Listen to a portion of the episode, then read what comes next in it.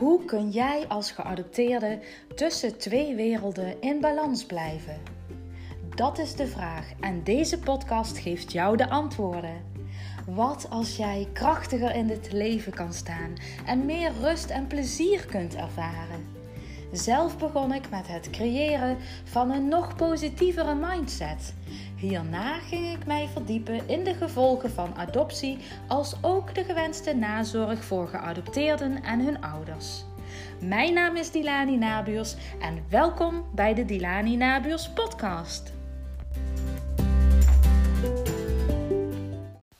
Mijn vorige podcast ging over verlating is trauma. Onlangs heb ik de documentaire gekeken van de Canadese dokter, uh, dokter Gabor Maté. En deze docu uh, heet The Wisdom of Trauma. En ik kan je zeggen dat deze best wel indruk heeft gemaakt op mij. Uh, door verschillende verhalen van volwassenen die als kind ja, in een traumatische situatie hebben gezeten bijvoorbeeld. En nou, de documentaire gaat dus over dokter Gabor Maté die zijn leven lang ja, is, eh, toegewijd is geweest eh, om de verbinding tussen ziektes, verslaving, trauma en de samenleving eh, te onderzoeken en te gaan vinden. En hij zegt ook: trauma is een onzichtbare kracht die ons leven vormt. Hè? Dus als ook hoe we leven en hoe we lief hebben en hoe we de zin van het leven dan zien. Het is eigenlijk de wortel van onze diepste wonden de, the roots of our deeper wounds, zegt hij. Dus um, zowel individueel als collectief dragen we dan een achterstand van de pijn die nog nooit is gehoord. En dat is wat ik eerder ook zei, dat hè, met betrekking tot adoptie dan weer um, ja, geadopteerden zich vaak niet gehoord of begrepen voelen. Uh, wat zo'n verlating uh, met hun eigenlijk uh, diep van binnen doet. Nou, of dit nou uh, bewust of onbewust uh, is bij een uh, geadopteerde.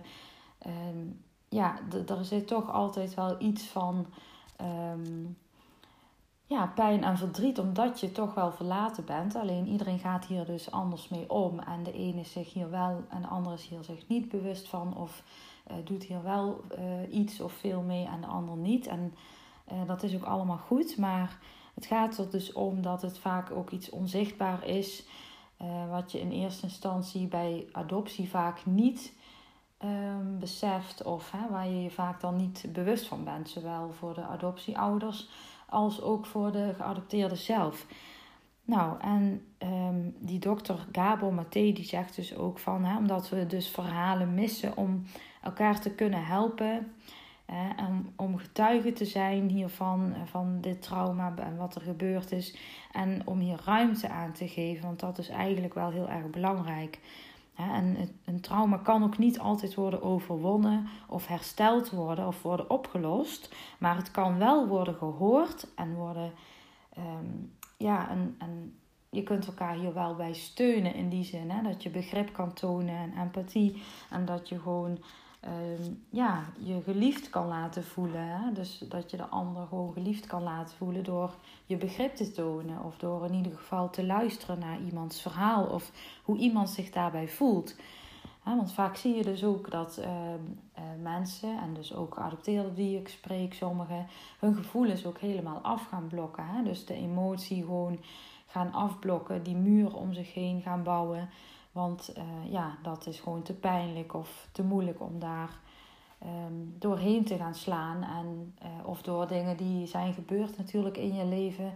Hè, misschien door patronen ook weer die terugkwamen. Ja, word je natuurlijk weer um, uh, harder of hè, ga je toch jezelf terugtrekken. Nou, zo zeggen ze ook in de documentaire dat het brein van een kind met een trauma er anders uitziet dan van een kind zonder trauma. En een kind draagt dat trauma dus altijd bij zich. Hè? Dus ook eigenlijk als, uh, ze zeggen zo mooi, a monkey on your back. Hè? Dus alsof ze het uh, trauma gewoon continu op hun rug dragen. En als je opgroeit bijvoorbeeld in een omgeving waar steeds wordt geschreeuwd en gescholden. En waar je steeds angst en stress voelt. Uh, dan is dit dus ook bijvoorbeeld heel traumatiserend voor een kind. Dus het trauma is ook niet in feite wat er is gebeurd met jou, maar wel wat er met jou van binnen gebeurt door wat er is gebeurd. Dus het gaat eigenlijk om wat er met jou van binnen gebeurt nadat jij iets heftigs hebt meegemaakt.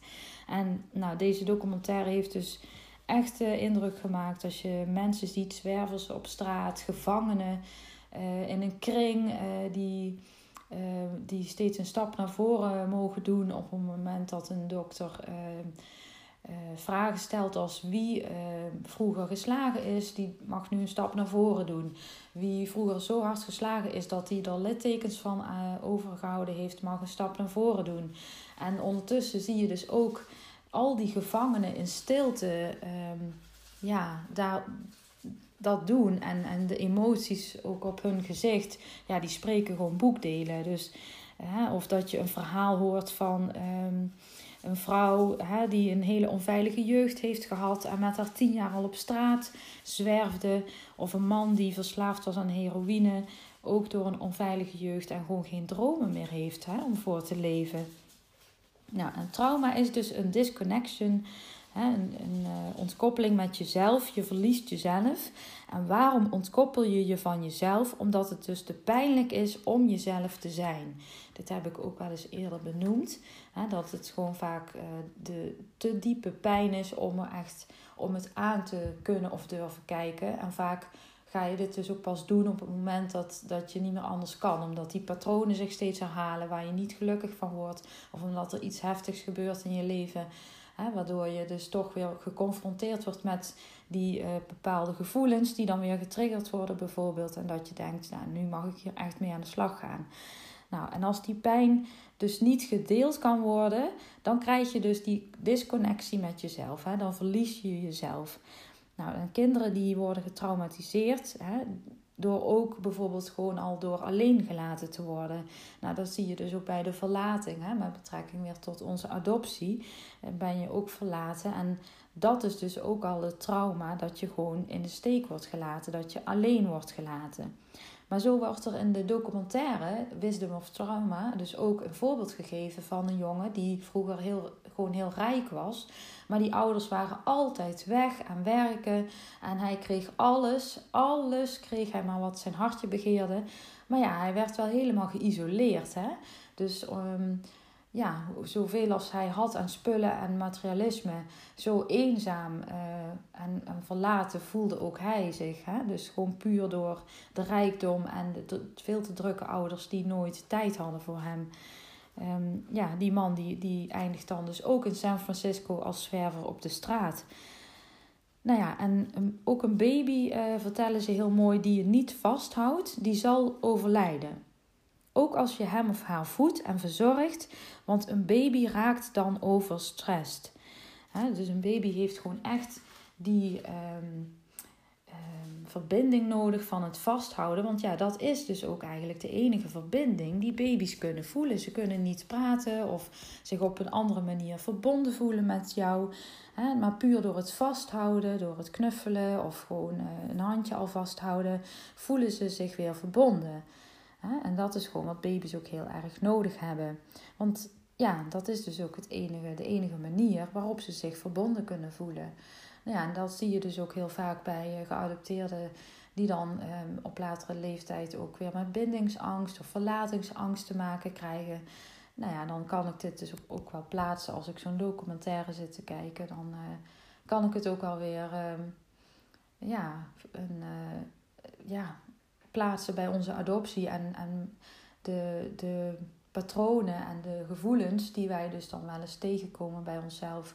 want ook van jullie, als ik jullie spreek, dan ja, hoor ik soms hele verschillende verhalen, maar toch hoor je vaak ook wel weer dat het uh, ja, terugkomt uh, op het um, ja, bang zijn toch weer om verlaten te worden of weer uh, alleen te zijn of uh, de angst om een verbinding aan te gaan omdat je dan weer teleurgesteld zou kunnen worden.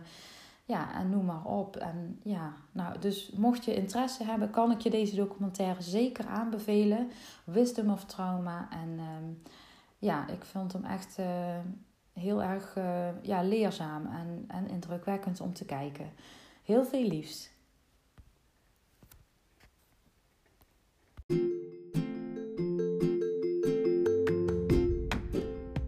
Hartstikke bedankt voor het luisteren. En mocht je iets terug willen doen voor alle gratis content die je van mij ontvangt, dan waardeer ik het enorm als je deze aflevering deelt in jouw stories en mij even tagt. Zodat ook andere personen kunnen gaan genieten van meer rust en plezier in hun leven. Ik hoop dat ik je weer meer inzichten heb kunnen geven. En mocht je nog vragen hebben over deze aflevering of weet je zelf een mooi aansluitend onderwerp waar je graag meer over wil weten, stuur me dan gerust een berichtje op Facebook of Instagram. Tot de volgende keer. Liefs Dilani.